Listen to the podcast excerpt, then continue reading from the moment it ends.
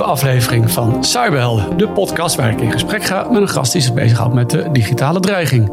Mijn naam is Ronald Prins en deze keer ga ik in gesprek met Lisa van Ginneken. Je bent Tweede Kamerlid namens D66 en hebt daar de portefeuilles ICT en privacy, digitale overheid en inlichtingendiensten en nog heel veel meer. Maar dit is in ieder geval de scope waar we het nu over gaan hebben. Heel leuk dat je er bent, Lisa. Ja, ik vind het heel leuk om, uh, om, om hier te zijn. En um, nou, ik wil meteen een kleine correctie op die portefeuille ja. doen. Want sinds wij, uh, nou ja, sinds het nieuwe kabinet is geformeerd, heb ik een nieuwe uh, ja, ICT-collega bij ons in de, in de fractie. Dus D66 is maar liefst uh, toebedeeld met twee Kamerleden die in de ICT hebben gewerkt. Ja. Uh, Hint Dekker en ik, wij doen samen de digitale portefeuille. Dus een aantal van de onderwerpen waar je het net over had, die ja, liggen meer op haar verantwoordelijkheidsgebied. Oké. Okay. Dus je bent wel iets kwijtgeraakt? ik ben iets kwijtgeraakt, ja. Maar ja. ik vind het heel tof om het samen met Hint te gaan doen. Want het heeft mij ook ruimte gegeven om andere dingen erbij te gaan doen. Oké. Okay. Ja. Dus ik zet me ook in op mobiliteitsvraagstukken. Ja, dat zag ik ook allemaal voorbij komen in mijn uh, voorstudie. Maar ik, uh, ik ga het smal houden op, uh, op, op die digitale veiligheid en sowieso wat er gebeurt met ICT. En, ja, en dat is sowieso nog steeds mijn, mijn onderwerp. Precies. Hey, en ehm, nou, bijna op de kop af ben je een jaar Kamerlid. Ja. De 31ste als ik het goed heb. En we nemen dit op op de 28ste. Ja. Hoe was dat eerste jaar geweest? Uh, intens, dat is denk ik wel, uh, wel een mooi woord. Uh, want je komt ineens in een omgeving waar je nou ja, heel dicht bij het, de, de, mogelijkheid zit om de samenleving te veranderen. Um, maar die mogelijkheid moet je wel eerst even onder de knie gaan krijgen. Ja. Dus ik dacht van tevoren, nou ja, alles wat ik daar nodig heb om de wereld te verbeteren is een goed idee en een meerderheid. En in essentie is dat ook zo. Ja. Uh, maar kom maar eens op een goed idee waar anderen nog niet uh, uh, aan hebben gedacht. Ja. En regel daar maar zijn meerderheid. Dus in de praktijk blijkt het toch iets ingewikkelder te zijn. En als dat goede idee zo simpel was, dan hadden anderen het al bedacht. Zo, zo, is het. Ja, zo het is, is vaak complexer dan je ja. misschien in eerste instantie denkt. Ja, dat gaan we straks nog tegenkomen en wat tegenstellingen. Um, jij brengt de broodnodige ICT-kennis mee. Um, zie je dat ondertussen wat breder in de Kamer? We hadden vroeger Kees Verhoeven en Astrid Oosterbrug. Burg. En, um, maar daarna, die gingen weg allemaal. Ja. En toen werd het stil en dan was jij er weer. Ja. En jij vertelde net dat je nog een collega hebt. Ja, nou, Hint uh, Dekker, uh, dus ook binnen onze fractie. Um, en je ziet wel dat, nou ja, door de rustbaarheid die uh, met name Kees Verhoeven, maar ook Astrid inderdaad en Katelijne Buitenweg, om nog maar iemand te noemen. Ja. ze hebben veel stampij gemaakt om digitale zaken als, als ja, belangrijk politiek thema op de agenda te krijgen. Dat is wel gelukt. Ja. Dus ik zie wel breed dat veel partijen denken, hey, hier moeten we wat mee. Um, maar blijkbaar is niet elke partij gezegend met uh, ICT-expertise in eigen huis. Ik zie het bij een enkele andere partij, bijvoorbeeld bij de VVD, hebben ze ook. Uh, nou ja, Queenie. Rijkovski, een Kamerlid, ja. uh, dat, dat ook wel werkervaring heeft in het domein en ook ja. iets snapt van de materie. En dat vind ik ook fijn. Hè? Dan, en hoe, is, hoe essentieel is dat, die, dat je die, die hands-on ervaring hebt met de ICT-wereld? Nou, het is niet, ja, het hangt er een beetje van af wat je bedoelt met hands-on. Het is niet nodig om te kunnen programmeren om het werk van een digitaal Kamerlid zeg maar, goed te doen. Maar het is wel handig als je de sector snapt, de dilemma's, de dynamiek. Um, ja. ja, ik denk wel dat dat belangrijk is. En dat hebben wij dan, uh, uh, nou ja, Hint uh, en ik en, en Queenie van de VVD hebben wij dat toch echt wel voor op de andere Kamerleden. Ja, en um, je stond op de 22e plek als ik het goed heb. Klopt. Ja. ja. En er zijn er 24? 24. Dus dat kantje boord of D66 ICT binnen zou houden? Uh, ja, ja, het is natuurlijk. Om, dus hoe, hoe belangrijk, hoe, nou, laat ik de vraag anders stellen. Hoe belangrijk vond D66 daadwerkelijk dan dat ze een ICT-Kamerlid weer naar voren kon nou ja, schuiven? D66 vond het heel belangrijk. En D66 had ook wel verwacht, uh, uh, nou ja, een, een, een grote fractie te krijgen. Dus de inzet was ook, we gaan boven, boven de 20 komen. Ja, ja. Dat is zonder twijfel. Dus jij wist eigenlijk van tevoren wel, ik ga er gewoon in komen. Nou ja, je hebt geen garanties. Nee. Maar ik had wel verwacht, hè, want zo in de aanloop van de verkiezingen kijk je natuurlijk ook naar peilingen. Um, en uh, die liepen uh, op voor D66. Dus ik kreeg ook steeds meer kans om er in één keer in te komen. Ik had wel op basis van nou ja, de laatste stand van zaken verwacht... misschien na de formatie pas in de Kamer te komen. Omdat het wel een beetje kantje boord was op, uh, op plek 22. Ja. Maar dat, nou, dat bleek uiteindelijk toch gewoon meteen een voltreffer. Ja, je bedoelt na de formatie als ja, allemaal Kamerleden minister zouden worden. Nou ja, precies, want dat, dat, ja. dat zie je, dat hebben we nu ook gezien. Bijvoorbeeld Rob Jetten, hè, die was ja. in de vorige periode nog Kamerlid, is nu minister van Klimaat en Energie. Dus dan schuift er uh, wat op. En ja. zo is Hint Dekker dus ook in de Kamer gekomen. Toen had jij opeens wat meer ruimte in je hele brede rij aan de portefeuilles. Ja. Je vertelde net al, je vroeg geprogrammeerd. En ik, ik vond uh, dat je spelletjes had gemaakt voor de Commodore 64. Ja, klopt. En dat ook spelletjes die ik gespeeld heb dan? Uh, dat weet ik niet, dat zou kunnen. Firepit is een naam die me nog meteen te binnen schiet. Nee, weet ik dus, niet Nee, ja, het- Ontzettend leuk. ja En hartstikke waar leuk. programmeer je dat in? Eh, assembly. Ja, Dus di- dichter op de processor kun je niet, eh niet keihard programmeren. Ja. dat vind ik toch wel heel bijzonder. Want ik heb er nog niet heel veel van tegengekomen. Maar jij kan dus gewoon echt serieus programmeren. ja. Ja. Ja. Doe je dat nog wel eens? Mm, nou, het afgelopen jaar heb ik het niet meer gedaan. Nee, maar ik heb de, script of zo. de afgelopen jaren nog wel eens her en der een website scriptje gemaakt. En zo. Een Oh, ja. beetje PHP en eh, over JavaScript. En, eh, Dan loop je ook naar de webmaster van D66 toe als het eh, even niet goed werkt. ik, ik hou me in om me met dit soort dingen te bemoeien. Ja, ja. dat snap ik. Dat is lastig, ja. Hey, in je eerste jaar heb je ook al twee prijzen gewonnen. Ja. Je bent IT-politicus van het jaar geworden. Wat heb je gepresteerd dan, dat je dat gekregen? Ja, nou ja, kijk, ik, ik, ik, ik vond het een enorm grote eer om die prijzen te mogen, te mogen winnen. Ik denk dat, en dat hebben de, de, de juries die mij hebben genomineerd of, of ge, ehm, eh, de, de, de prijs hebben toegekend, die hebben dat ook gezegd, die waarderen heel erg mijn inhoudelijke inbreng in het debat. Dus het gaat niet alleen over eh, nou ja, politieke verontwaardiging spuien. Ik denk dat we dat stadium voorbij zijn. Oh ja. Dat, nu echt dat is nodig- makkelijk. Precies, we hebben nu echt nodig dat er concrete oplossingen komen. En zo heb ik me bijvoorbeeld heel erg eh, ingezet op eh, mensenrechten centraal en als uitgangspunt van beleid. Dus je ziet dat ook terug eh, hopelijk in het eh, regeerakkoord Mhm. en ook in de hoofdlijnenbrief van, eh, van onze staatssecretaris. Dat ehm, mensenrechten en digitale burgerrechten echt wel centraal staan in, in de afwegingen. Daarnaast heb ik me heel erg ingezet voor het bewaken daarvan. En dat is nog niet zo evident. Want ik heb ehm, de vorige minister van JNV ja, toch ook twee keer moeten terugroepen. Eh, omdat die eh, wetten er wilde door eh, nou ja, jassen, om het maar zo te zeggen. Welke waren dat? Nou, de, de ver- verlenging van de PNR-wet. Die grootschalige uitwisseling van passagiersgegevens. eh, van vluchten op de, binnen en van en naar de Europese Unie. Ja. En de NCTV-wet, dat is ook zoiets waar we de minister heel erg nadrukkelijk op hebben teruggeroepen. Van hoor eens even, ehm, je kunt nu wel een wetsvoorstel gaan indienen. eh, omdat je allerlei bevoegdheden hebt eh, misbruikt. Omdat je de wet eigenlijk hebt overtreden als, Ja. als NCTV. Ehm, Daar gaan jullie donderdag veel uitgebreid over praten volgens daar mij. gaan we aanstaande donderdag uitgebreider over praten. Dan Ja. is er een ronde tafelgesprek. En dan, eh, nou ja, Maar, is, is dat, maar wat gaat er nou gebeuren? Gaat de NCTV gewoon een nieuwe inlichtingendienst worden? wat mij betreft niet. Ja, want dat is we wel, hun, hebben- we dat is wel hun doelstelling. Nou ja, dat, eh, dat, eh, ehm, ik, ik, ik waardeer het altijd als mensen ambities hebben, laat ik het zo maar zeggen. Maar we Ja. hebben twee inlichtingendiensten. Ja. En die functioneren ehm, ehm, goed. En Ja. die hebben, daar zitten een paar aandachtspunten. Die hebben ze ook al uitgesproken. We hebben natuurlijk de evaluatie van eh, de, de, de wet op de inlichtingendiensten gehad. Daar komen een aantal aandachtspunten uit naar voren. Laten we die met de inlichtingendiensten goed eh, behandelen. Mhm. Maar we hebben helemaal geen derde inlichtingendienst nodig. Er is, wat mij betreft, geen gat tussen wat de inlichtingendiensten doen en de concrete opsporing die politie eh, kan doen. Ehm, dus En- we hebben geen derde En, inlichtingendienst en, nodig. ehm, en wat, wat voor soort ambitie heeft de NCTV dan?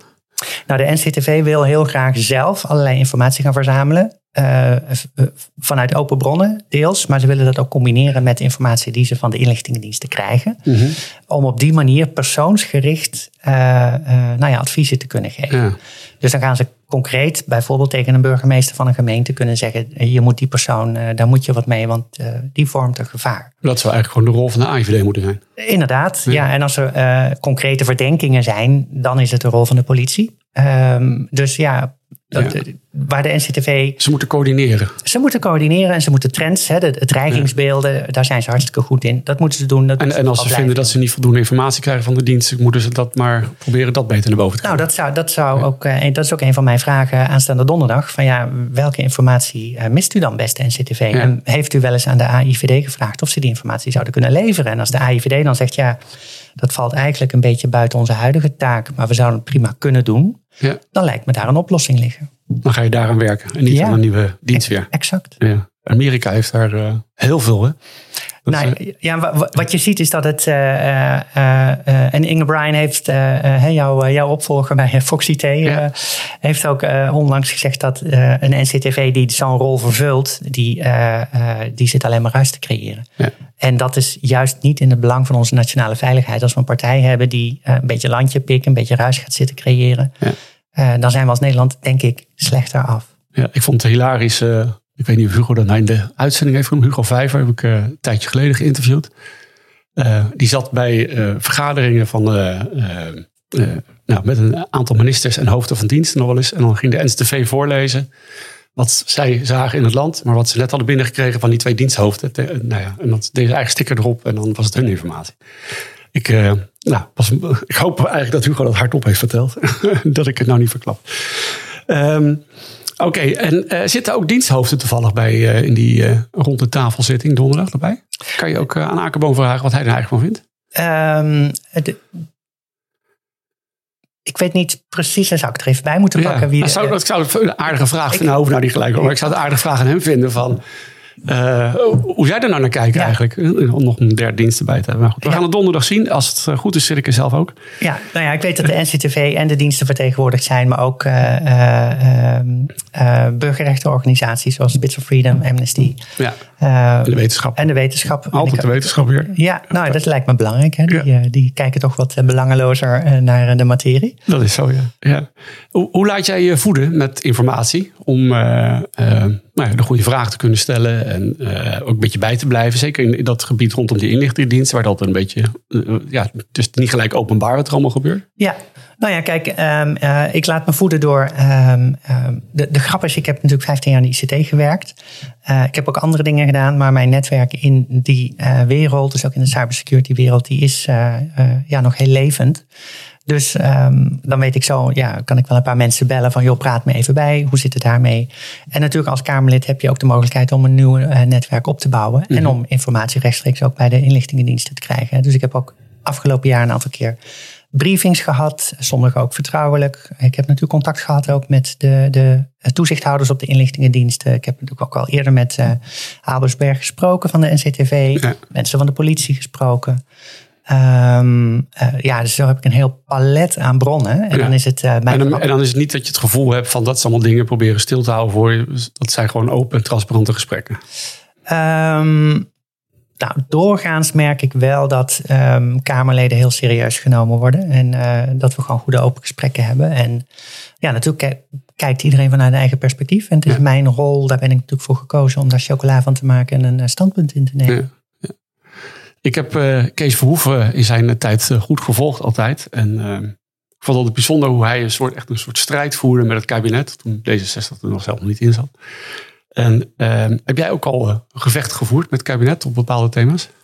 Um, nou ja, ik heb net al uh, gezegd dat ik uh, in de vorige periode Grappenhaus een, een, twee keer aan zijn, aan zijn jas heb getrokken. Van, ja. En nu moet je stoppen. Ja.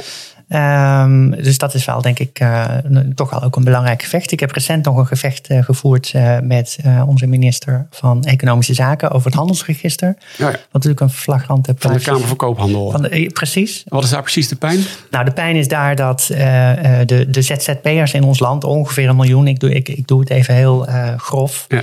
Um, die um, moeten ingeschreven zijn in het handelsregister. Die moeten daar zowel hun woonadres als hun vestigingsadres, het vestigingsadres van hun bedrijf, registreren. En uh, tot voor kort waren die beide adressen openbaar. Ja.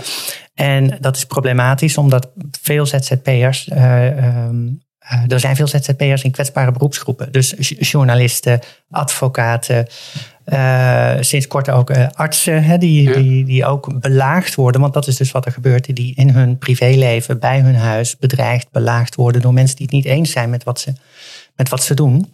Ja, um, ja dat is ongelooflijk. En, en, iedereen kan inloggen bij de KVK je voor 2,95. Ja. Weet je waar iemand zijn huis woont. Exact, exact. Ja. En de, de Kamer is daar al een tijd tegen Maar dat is toch juist de hele insteek van, die, van dat register? Nou, die transparantie van het register is belangrijk voor bepaalde beroepsgroepen.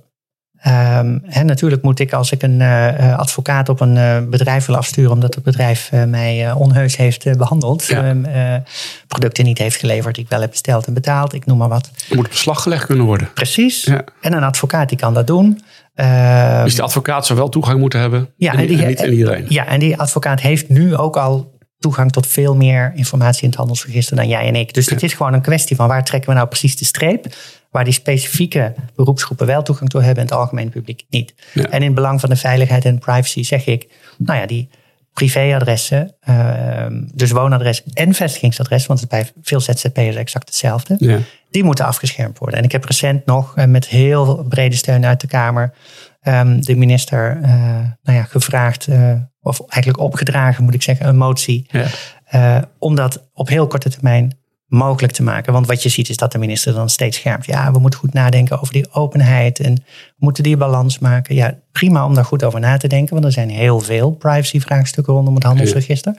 Maar dit moeten we gewoon meteen fixen. Want ongeacht welke keuze je maakt, je kunt dit fixen. Want zoveel weten we al wel van, nou ja, van de wetten rondom het handelsregister. Ja, ja, het is, uh, ik ben nu heel erg bezig, want ik heb tot 1 april met het UBO-register van allerlei entiteiten waar je eventueel uh, wat aandelen in hebt. Uh, daar moet ik nu juist wel alles. Dat is juist de bedoeling dat we heel transparant worden wie er allemaal achter zit. Ik vind dat allemaal een beetje contrasterend. Nou ja, vandaar dat ik ook wel snap dat de minister zegt: ja, ik, ik wil er in, in nou ja, brede zin over nadenken. En dat vind ik ook goed. Hè. Dan komt er een datavisie, kunnen we met elkaar over debatteren. Mm Um, maar nu is er niet over nagedacht en er is geen visie op en er gebeurt maar wat. Precies, met, met als gevolg dat, uh, dat 1 miljoen ZZP'ers potentieel gevaar ja. lopen. En dan zou uit zo'n visie ook kunnen blijken dat je bij het kadaster precies hetzelfde moet doen. Zou zomaar kunnen. Ja, ja. want dat is ook heerlijk uh, spelen daarin altijd. Zeker. Hey, in mijn, uh, we gaan even naar de grote techjongens toe. In mijn, in mijn vorige aflevering was eh, Robert van den Noord te gast. Dat was vorige week. En die is heel erg bezig met trollenlegers, online mm -hmm. trollenlegers. En die had als stelling dat de informatieoorlog, zoals Poetin die al jaren voert, uh, essentieel is geweest voor hem om de nu de oorlog in Oekraïne te kunnen voeren. dus door in de, de, oostkant allemaal wat uh, idioten zogenaamd pro-Russisch te maken. En, ehm, en hij stoort zich aan die enorme hoeveelheid trollenlegers die online bezig zijn om verkeerde informatie te verspreiden. En ondertussen doet Twitter er helemaal niks aan uiteindelijk. Um, is dat ook iets voor jou om een uh, strijd tegen te voeren? Nou, desinformatie is natuurlijk, want daar, daar hebben we het over, is een, een heel groot probleem. En uh, de Russen hebben dat ook wel een beetje tot uh, geopolitiek instrument gemaakt, inderdaad, om ja, overal maatschappelijk debat en politiek debat te, te willen beïnvloeden. Ja. En um, de rol die social media bedrijven daarin spelen, die, ja, die, die, die is cruciaal. Ze hebben juist vanwege hun, hun, hun grote omvang zoveel macht. Uh, zij bepalen de regels waarlangs wij het nou ja, debat in onze samenleving voeren. Dat zit hem niet alleen in uh, desinformatie, maar dat leidt ook tot polarisatie bijvoorbeeld. Um, en opruiing en al dat soort negatieve effecten. en nog niet zo lang geleden hebben we in de Tweede Kamer een hoorzitting gehad. Die heb ik ook geïnitieerd. Dus dat is ook, uh, je vroeg net naar wapenfeiten. Um, Um, een hoorzitting met uh, een aantal social media bedrijven. We hadden er meer uitgenodigd dan er kwamen. Oh, ja. uh, want Twitter dacht, nou, deze laten we even aan ons voorbij gaan. Dat vond ik erg teleurstellend. Want nou ja, ik denk dat het goed is dat ook zij in het openbaar verantwoording afleggen over uh, ja, hoe werkt ons platform? Welke berichten, ja. ja. welke berichten krijgen voorrang? En, en uh, ja, hoe bepaalt dat ons verdienmodel? Want dat is natuurlijk de crux, hè, die grote social media platforms die verdienen geld aan de tijd dat wij op het platform doorbrengen. En daar doen ze van alles voor. En ze verdienen blijkbaar ook geld aan allerlei uh, nepberichten, desinformatie. Sterker nog, dat is, volgens eh, Robert is de helft van Twitter zo'n beetje ondertussen allemaal nepberichten. Nou ja, het punt is dat um, berichten die reuring, die verontwaardiging, de reactie uh, oproepen, engagement zoals het dan zo mooi heet, um, uh, die vinden die platforms doorgaans leuk, want dat zorgt ervoor dat mensen langer op, op het platform blijven of vaker ja. terugkomen en dat levert inkomsten op. En, en, wat wil jij erna aan doen? Want je hebt ze nu uitgenodigd, je hebt een gesprek gevoerd. Nou, stap 1, is heel netjes. Ja. Moet er nou wetgeving komen om het te gaan verbieden? Er moet zeker wet, wetgeving komen om die grote social media bedrijven te reguleren. En uh, er is uh, het nodige onderweg vanuit Europa. De Digital Services Act is daar ja. één. Um, en die stelt dat die grote platforms extra verantwoordelijkheid krijgen om ja. dit te doen. En uh, als ik dan. en, en daarnaast kun je dus nog nationale wetgeving uh, creëren. Want die Europese wetgeving zegt eigenlijk alles wat uh, illegaal is, daar moeten die platforms, nou ja, dat is dan wat nader gedefinieerd, op een ja. bepaalde manier meer hun best voor doen. Een grotere zorgplicht nemen. Ja. Dus wat je dan nationaal ook kunt doen, is dat je uh, wat meer dingen uh, verboden maakt. Zoals nu bijvoorbeeld um, uh, doxing. Um, nou ja, dan komt een wetsvoorstel. En doxing is het naar buiten brengen van privégegevens van mensen. Hè? Exact, ja. Dus op social media iemands privéadres publiceren. Um, ja. en vaak gaat dat gepaard met de oproep laat je horen. Ja. En voor je het weet staat er ineens een, iemand met een fakkel in je voortuin. Precies. Zoals Sigrid Kaag overkwam. Ja. Dus, dus terecht wordt dat strafbaar gesteld. En dat maakt het dan ook binnen die Europese wetgeving meteen iets waar die grote social media bedrijven echt actief iets mee moeten. Ja, nou, nou zag ik dat je je ook druk hebt gemaakt in de afgelopen december. Je hebt Kamervragen gesteld naar aanleiding van een online gebiedsverbod dat een jongen van 17 heeft gekregen. Online gebiedsverbod is een ja. mooie nieuwe kreet natuurlijk. Ja. Dus dat vond ik interessant. Uh, hij had blijkbaar opgeroepen tot, uh, tot rellen en de burgemeester van die gemeente wou er wat aan doen. En die ging dreigen met een boete of last van een dwangsom of zo. Maar in ieder geval, um, hij, ging, hij ging dreigen. En toen kwam jij opeens, ja, hallo, we hebben ook vrijheid van meningsuiting. En, ja. um, Uh, dus je, je, hebt kamervragen gesteld. En, uh, en ik haalde er een beetje uit dat je ook druk op maakte. Ja, maar als je zo'n online gebiedsverbod gaat opleggen, dan houdt het ook in dat je moet gaan surveilleren. Dan moet je dus gaan controleren wat de berichtjes zijn die de jongen naar buiten stuurt. Um, dan vraag je van Twitter eigenlijk, wij willen dat je gaat surveilleren, gaat kijken wat je naar buiten stuurt. Maar je vindt, ik haalde uit die vragen dat je vindt dat die burgemeester dat niet zou mogen doen. Nou, het punt is dat ik niet zeg dat Twitter moet surveilleren. Um, de social media platforms die moeten wat mij betreft de manier waarop ze werken fundamenteel aanpakken. Want uh, cruciaal is dat uh, nou, het belang van vrijheid van, vrijheid van meningsuiting is heel erg groot. Ja. Uh, um, en nu Eigenlijk hebben we al geen vrijheid van meningsuiting op die platforms. Althans, we mogen wel alles zeggen, maar niet alles krijgt evenveel bereik. Dus uh, freedom of speech is niet hetzelfde als freedom of reach, zou je kunnen zeggen. Ja. Um, en, en daar zitten we een beetje de, de, de kneep. Eh, die social media platforms die hebben keuzes gemaakt waardoor bepaalde negatieve polariserende berichten een groter bereik krijgen. Die verspreiden zich sneller en verder.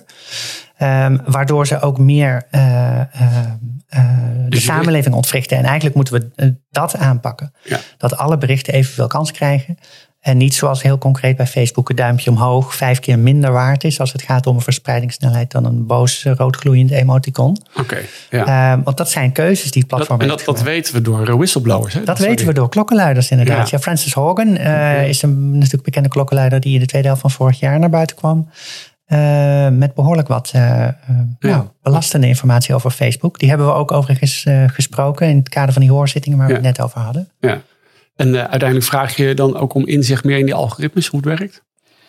Um, en wil je daar ook op sturen? Of, of, of, regels over afspreken? Nou, de DSA, dus de, de, de Digital Services Act, de Europese regelgeving die, uh, die er aankomt, die uh, um, stuurt heel erg op de werking van het platform. Er is natuurlijk ook nog een ander Europese wet in aantocht, de AI Act. En die stuurt ook weer op hoe ingrijpend algoritmes zijn. En daar, als je algoritme heel ingrijpend is, dan gelden er ook weer allerlei extra regels waar je aan moet voldoen.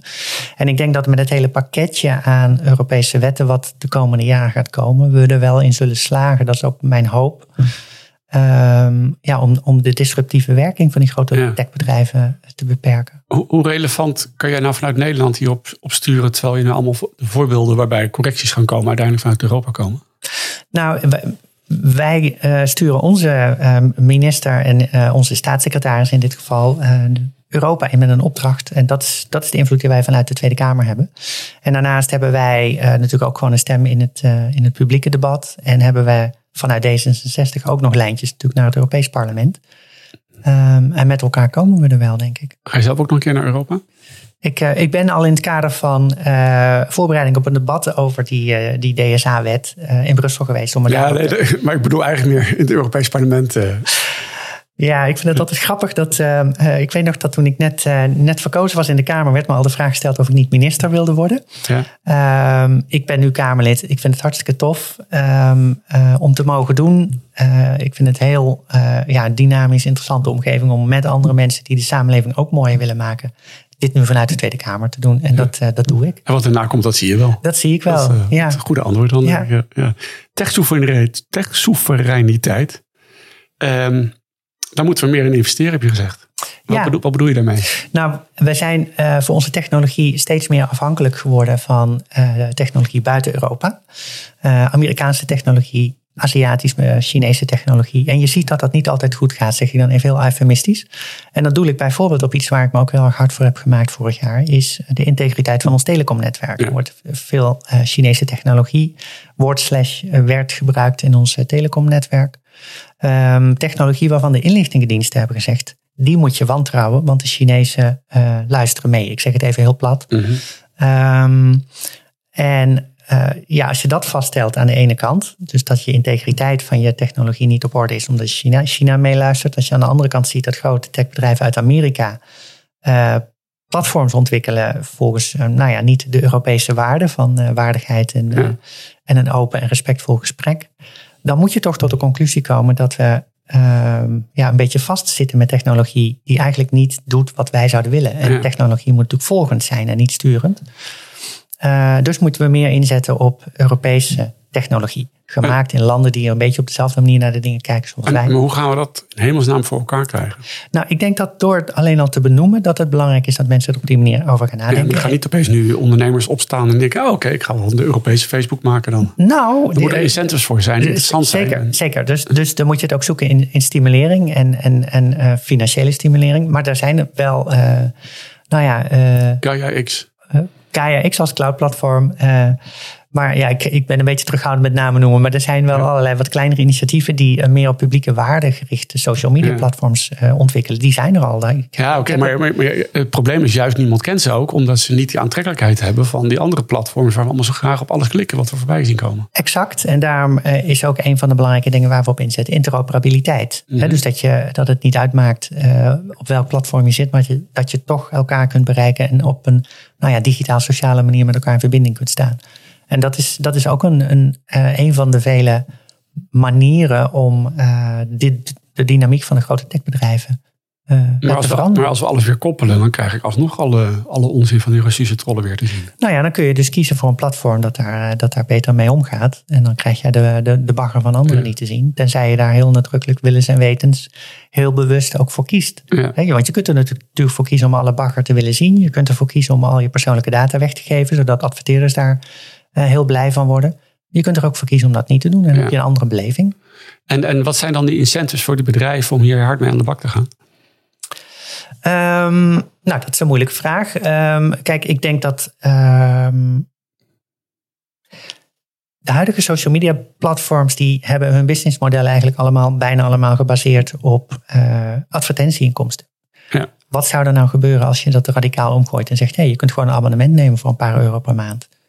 Ehm, Nou, ik ben heel bang dat er dan heel weinig mensen komen. Omdat voor hun, de, misschien als het andersom gebeurd was, hè, als we eerst gewoon Mhm. abonnementjes hadden. Eh, maar ja, eh, als iets gratis is, zeker een Nederlander, dan gaat hij lekker daarheen. En dan, dan, dan denkt hij ook nog, ja, ik kan zelf wel bepalen waar ik op moet klikken en wat niet. ja, nou ja, echt is dat wat niet. Ik doe nou ja, zelf onderzoek. Maar vraag het eens aan een willekeurige Facebook-gebruiker. Of die zich realiseert wat Facebook allemaal van hen weet. En met wie ze al die data delen. Ja, ik ben juist bang dat heel veel mensen het eigenlijk eh, een rotzorg zal zijn eigenlijk. Ja, nou ja, dat, d- dus ik ben blij dat er mensen zijn zoals ik die in de Kamer Ja. zitten en zich daar wel druk om maken. Oké. En, eh, en ervoor zorgen dat we als samenleving niet overgeleverd zijn aan een groot commercieel bedrijf dat in the end maar één doel heeft en dat is geld verdienen. Ja. Je hebt nog drie jaar te gaan. Mhm. Eh, je hebt één jaar op zitten. En daarna misschien nog heel veel andere sessies waar je gaat zitten. Wat wil je minstens bereikt hebben in de aankomende periode? Ehm, ik wil bereikt hebben dat wij ehm, als burgers baas over onze eigen data zijn. Dus dat we echt ehm, regie hebben over wie welke data van ons gebruikt en hoe ze die gebruiken. En dat gaat dan verder dan een ellenlange eh, eh, gebruikersvoorwaarden moeten lezen en dan uiteindelijk maar gewoon op oké moeten klikken omdat je geen keuze hebt. Ja. Dus dat vraagt een nou ja, andere manier van hoe je dit soort diensten ontwikkelt. Het vraagt ook eh, oplossingen rondom datakluizen. Eh, ja, dat je echt baas bent eh, over je eigen data. Dus dat, dat is één. En aan de andere kant wil ik dat we als samenleving echt digitaal veel, veel weerbaarder zijn dan we nu zijn. Want onze digitale verdediging is hartstikke versnipperd. Er zijn heel veel clubs eh, die zich bezighouden met, met cybersecurity in ons land. Ehm, en daar maak ik me echt zorgen over. Ja, en dan ben je versnippering, dan bedoel je zo'n een, een, DTC en een NCSC. Eh, NCSC, DTC, er wordt nu een NCC opgericht. Nou ja, we hebben allerlei eh, sectorale certs. Ehm, eh, ehm, bij de diensten doen ze wat. de- bij de, diensten doen ze wat, bij de, Ja. precies. Ja. Ehm, en het is een beetje een lappendeken. En ik zeg niet dat alles op één hoop geveegd moet worden en één grote eh, eh, monolithische organisatie moet komen. Maar de lappendeken moeten we wel oplossen. Want je ziet dat door allerlei ja, drempels die er zijn in wetgeving, in, in taakafbakening, die organisaties te weinig samenwerken, te weinig informatie met elkaar delen. En eh, nou ja, allemaal vanuit een deelbelang. De ene vanuit veiligheidsbelang, de andere vanuit economisch belang. Ja. ehm, eh, hun werk doen. En er is geen, gedeeld, of er geen eh, verdeeld belang als het gaat om cybersecurity. Eh, je bent eh, weerbaar of je bent het niet. Hè? Ja. Het belang van ehm, weerbaar zijn tegen sabotage, dus dat alles gewoon lekker door blijft, blijft draaien in onze samenleving. Dat is een gedeeld belang. Dat is een veiligheidsbelang, maar ook een economisch belang. Mhm. Ook een sociaal belang. Maar ook ehm, eh, verdedigen tegen spionage is cruciaal. Want je wil ook niet dat alle nou ja, eh, innovatie en alle kennis die in onze bedrijven en in onze wetenschapsinstellingen eh, ontwikkeld wordt, dat die weglekt naar andere landen. Want dan zijn we over een paar jaar spelen we wereldwijd economisch gezien geen rol meer. Omdat we uh, niks unieks hebben ten opzichte van andere landen. Omdat alles gejat is. Uh, nou, we hadden het net al ook heel even over desinformatie. Dus dat is ook een belang om ja, gezamenlijk uh, maar, die, die opdracht voor weerbaarheid op te nemen. Maar omdat we al die verschillende clubs hebben, hebben we ook juist een, coördinerende rol gevonden bij de NCTV, die dit een beetje bij elkaar moet houden. Doen ze dat niet goed genoeg dan? Nou ja, ja. Um, uh, de, laat, ze lekker, laat ze eerst maar eens even coördineren en verder niks. En dan praten ja. we verder. Oké, ja. Nou, gaan we daarmee afronden. Dankjewel, Lisa van Ginneken. En niet het enige ICT Tweede Kamerlid van D66. Dankjewel voor het gesprek.